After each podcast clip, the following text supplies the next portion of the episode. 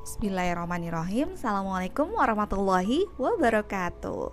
Halo sahabatku semua Apa kabarnya hari ini? Semoga sahabatku semua senantiasa berada dalam kondisi yang bahagia dan tercerahkan Insya Allah. Masih bersama saya Arum Ambiana Sari. Sahabatku kali ini saya akan berbicara sedikit mengenai bagaimana Rasulullah bersikap atau menyikapi tentang mental health issue, masalah kesehatan mental. Ya, sahabatku, walaupun mental health ini tuh saat ini ya, terutama saat ini menjadi topik pembahasan yang sedang ramai dibicarakan, terlebih sejak kita seluruh dunia ini mengalami pandemik COVID-19 tapi ternyata ada juga loh beberapa kalangan, beberapa umat muslim yang menganggap bahwa isu mental health ini tuh nggak penting. Beberapa orang muslim itu menganggap bahwa mental health ini sesuatu yang dikarang-karang oleh orang-orang barat. Ada juga yang menganggap bahwa yang dibutuhkan kita tuh hanyalah keimanan yang kuat saja. Ketika keimanan kuat, maka tidak akan stres. Ketika stres itu artinya imannya lemah atau rendah level keimanannya. Ada juga yang berpendapat bahwa itu tuh tidak dicontohkan oleh Rasulullah. Rasulullah tuh nggak ada dalam sejarah dituliskan bahwa pergi ke terapis ketika mengalami uh, guncangan jiwa gitu. Jadi ngapain saya ngikutin yang tidak dicontohkan oleh Rasulullah? Saudaraku yang luput dari perhatian kita semua adalah bahwa para nabi-nabi kita khususnya Rasulullah Muhammad Shallallahu Alaihi Wasallam itu pastinya memang adalah manusia yang mulia. Sudah pilihan lah manusia pilihan dari Allah. Allah sudah pilih manusia terbaik untuk menjadi nabi dan rasul di muka bumi ini. Tapi ternyata beliau-beliau juga adalah manusia biasa, manusia biasa yang pernah mengalami peristiwa-peristiwa yang sangat mengguncang batin mereka. Itu tercatat dan dari mana kita bisa mengetahui bahwa mereka juga mengalami guncangan-guncangan mental dan batin kita bisa lihat di yang tercatat di Al-Qur'an. Dan ketika kita mempelajari hal tersebut yang sudah tercatat di Al-Qur'an itu kita bisa menjadi rujukan. Menjadi rujukan kepada uh, kita generasi muslim setelah beliau-beliau untuk menemukan, mengkaji, mengklasifikasi, lalu kemudian memberikan treatment atau pengobatan pada isu ke kesehatan mental ini. Ada banyak, ada banyak sekali yang tertulis di Al-Qur'an. Salah satunya yang mungkin uh, sahabatku sudah tahu mengenai peristiwa tahun duka atau Amul Husni yang terjadi di sekitar tahun 619 Masehi atau tahun ke-10 kenabian uh, Rasulullah Muhammad SAW. Di sejarah dicatat bahwa tahun tersebut Rasulullah kehilangan dua orang yang penting bagi hidup beliau sekaligus dalam jangka waktu setahun itu. Tidak jauh jaraknya. Yang pertama, beliau Rasulullah kehilangan istri beliau, istri yang sangat-sangat dicintai oleh beliau, Khadijah, Sayyidina Khadijah radhiyallahu anha. Dan paman sekaligus pelindung Rasulullah yaitu Abu Talib. Bahkan sebelum peristiwa tahun duka ini, itu sebelumnya ada peristiwa pemboikotan ekonomi yang pastinya juga mengguncang uh, mental dari Rasulullah Sallallahu Alaihi Wasallam. Lalu kemudian ada salah satu contohnya saya ambil mengisahkan tentang keluarga Nabi Yusuf, keluarga Nabi Yunus, Nabi, oh, maaf Nabi Yakub. ketika Nabi Yakub mendapatkan ujian sakit sakit fisik akibat kehilangan putranya yaitu Nabi Yusuf untuk beberapa lama. Kondisi kejiwaan Nabi Yakub itu sangat berhubungan erat dengan kesehatan fisik dan jasmani Nabi Yakub. Sebagai rasul, tentunya Nabi Yakub memohon kekuatan batin kepada Allah. Namun sebagai seorang ayah, sebagai manusia biasa, beliau merasakan sedih-sedih yang amat dalam karena kehilangan anak yang sangat dicintainya. Nah, pembahasan tentang sakitnya Nabi Yakub, sakit fisiknya Nabi Yakub disebabkan oleh kesedihan yang mendalam atau psikologisnya Nabi Yakub itu akan saya bahas di uh, podcast selanjutnya mengenai psikosomatis. Sahabatku, di dalam Al-Quran Allah memerintahkan kita untuk memanajemeni, mengatur, serta mengatasi kesedihan ataupun guncangan mental. Masalah tentang psikologis ini ya.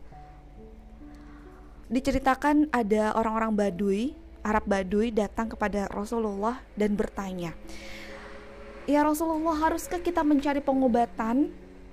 Lalu Rasulullah menjawab, Wahai hamba-hamba Allah, berobatlah, carilah obat, carilah penyembuh karena Allah dalam keagungannya tidak menurunkan suatu penyakit tanpa menjadikan untuknya obatnya, kecuali satu penyakit yaitu usia tua.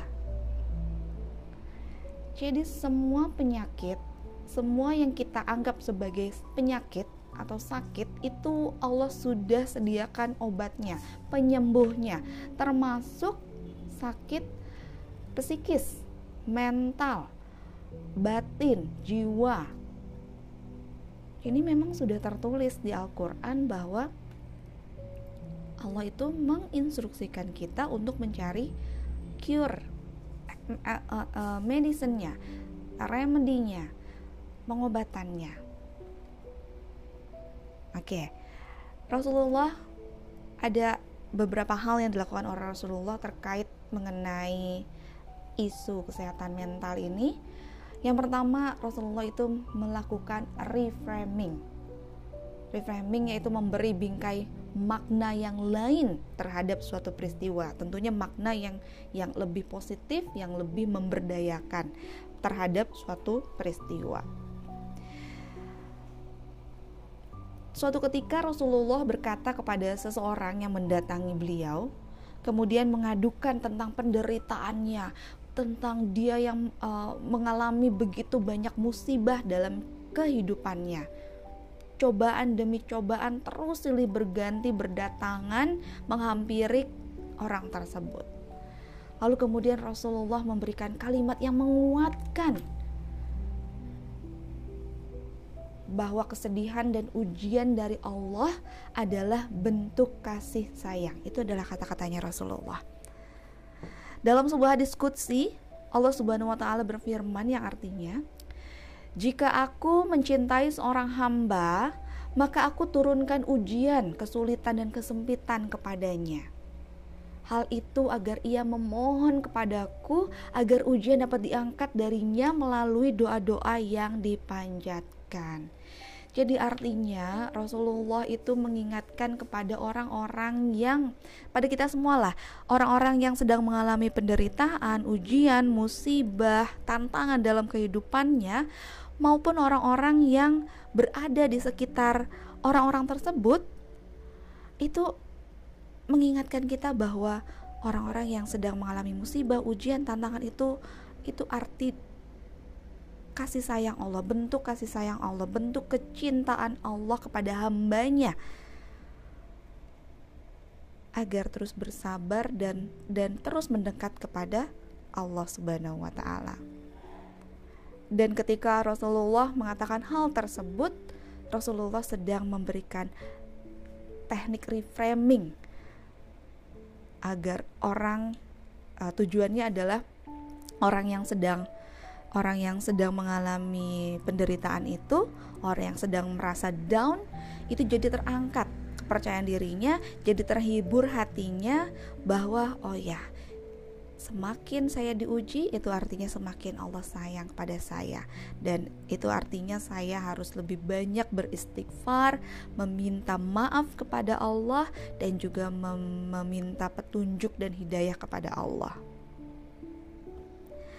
Sahabatku, lalu yang kedua Rasulullah juga mengajarkan kepada kita tentang mengakui dan menerima serta melepaskan secara mandiri bisa juga dalam level tertentu mencari bantuan orang lain atau apa pun untuk semua kegundahan mental yang sedang dialami.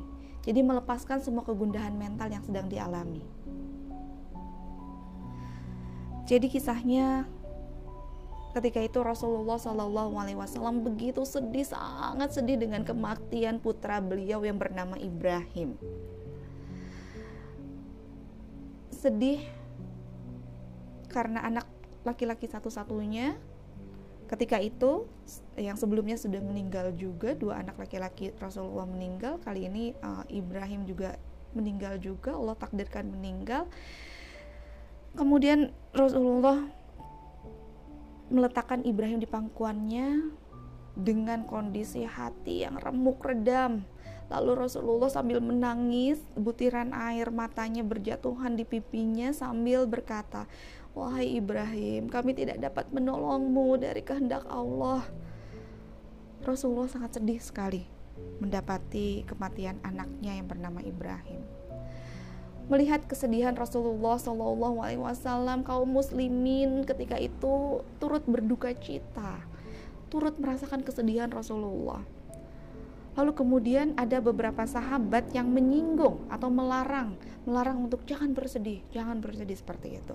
Lalu kemudian Rasulullah bersabda, "Aku tidak melarang orang berduka cita, tapi yang kularang adalah menangis dengan suara keras."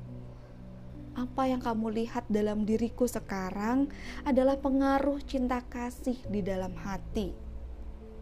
Orang yang tiada menunjukkan kasih sayang, maka orang lain pun tidak akan menunjukkan kasih sayang kepadanya.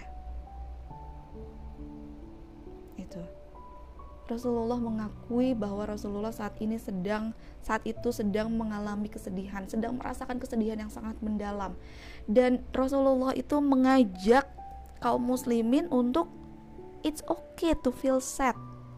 It's okay to be not okay. Gak apa-apa kalau kamu merasakan kesedihan gak apa-apa kalau kamu merasakan uh, kekecewaan. Luapkan saja lakukan saja. Yang dilarang oleh Rasulullah adalah menangis dengan suara yang keras atau berlebihan gitu ya Lalu kemudian di kejadian yang sama bersamaan dengan kematian Ibrahim ada bulan gerhana, eh ada gerhana matahari. Ada gerhana matahari, terjadi gerhana matahari. Lalu kemudian kaum muslimin ketika itu menganggap peristiwa itu suatu mukjizat karena bertepatan dengan meninggalnya anak Rasulullah si Ibrahim ini. Lalu kemudian Rasulullah menanggapi hal tersebut, merespon sikap kaum muslimin yang menganggap bahwa gerhana berhubungan dengan meninggalnya anak Rasulullah. Lalu Rasulullah mengatakan bahwa matahari dan bulan adalah tanda kebesaran Allah yang tidak ada hubungannya dengan kematian atau kehidupan seseorang. Kalau kalian melihat hal itu, maka berlindunglah kepada Allah dengan zikir dan doa. Rasulullah berkatakan seperti itu.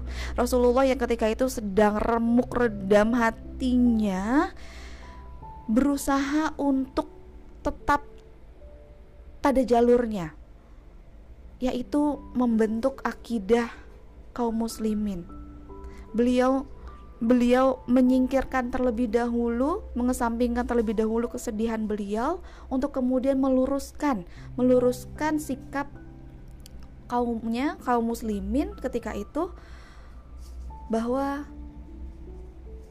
kejadian gerhana itu adalah kebesaran Allah, tidak ada hubungannya dengan kematian.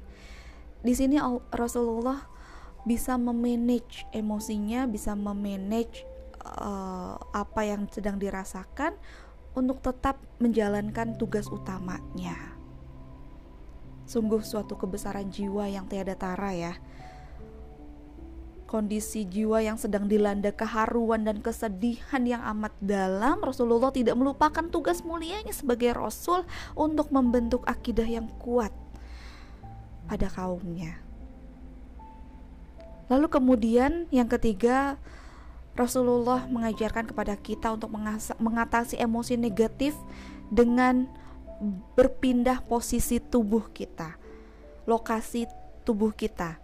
Ketika kita marah, ketika kita sedang marah atau sedih di pos pada posisi duduk, maka kita berdiri. Ketika kita Uh, Begitupun sebaliknya, ketika dalam kita sedih atau marah dalam posisi yang berdiri, kita duduk. Kalau kita duduk masih sedih, masih marah, maka kita berbaring. Jadi kita berpindah posisi tubuh. Dengan begitu, maka itu akan me me mengalihkan perasaan kita dan memberi jeda, memberi jeda waktu untuk kita merespon dengan respon yang lebih positif terhadap suatu peristiwa. Lalu kemudian yang keempat, menerapkan life balancing. Keseimbangan kehidupan. Rasul juga meminta kita untuk hidup dalam keseimbangan tentunya ya, agar kita menjadi manusia yang sehat, sehat secara fisik dan juga mental. Nah, ini kejadiannya di kisahnya Abu Darda. Abu Darda, sahabat Rasulullah ini sangat rajin ibadah, banyak sekali ibadahnya, bahkan sampai melupakan makan, meninggalkan tamu, hak-hak tamu, bahkan meninggalkan hak-hak istrinya. Yang kemudian di kisah tersebut Abu Darda ditegur oleh Salman Al-Farisi yang sebelumnya dipersaudarakan oleh Rasulullah. Jalanilah kehidupan yang seimbang ada waktunya untuk memenuhi hak Allah, memenuhi hak diri, memenuhi hak tamu, memenuhi hak keluarga, hak istri, anak, dan lain sebagainya. Dan yang kelima adalah mengkonsumsi makanan sehat dan menyehatkan bagi tubuh dan mental. Kisah ini dari Aisyah radhiyallahu an istri Rasulullah bahwa ketika uh, suatu ketika pernah dalam kondisi ada seseorang, seorang wanita yang ditinggal wafat oleh suaminya. Lalu para wanita itu berkumpul di rumah uh, istri yang suaminya meninggal karena uh, jihad, karena uh, peperangan. Lalu Aisyah radhiyallahu anha me memerintahkan beberapa wanita yang lainnya untuk membuat sepanci talbinah makanan talbina atau sup talbina untuk keluarga atau untuk wanita tersebut.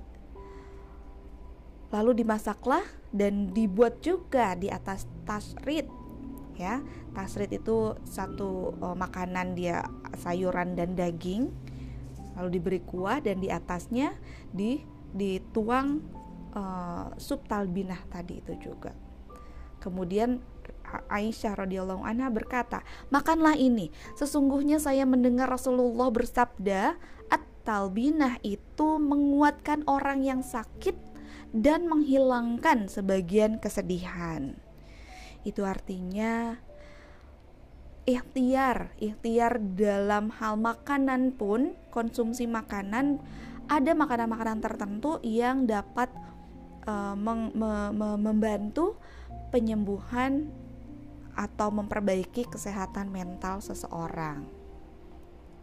Baik, terakhir saya akan tutup dengan Quran surat Al-Baqarah ayat 155 yang artinya dan sungguh akan kami berikan cobaan kepadamu dengan sedikit ketakutan, kelaparan, kekurangan harta, jiwa dan buah-buahan dan berikanlah berita gembira kepada orang-orang yang sabar. Masya Allah, tentunya sabarnya di sini bukan sabar diam, hanya menanti takdir, tapi sabar yang diridhoi oleh Allah adalah sabar yang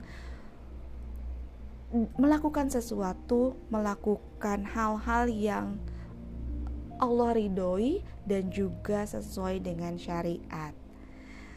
Baik, terima kasih. Sampai berjumpa kembali di podcast selanjutnya. Assalamualaikum warahmatullahi wabarakatuh.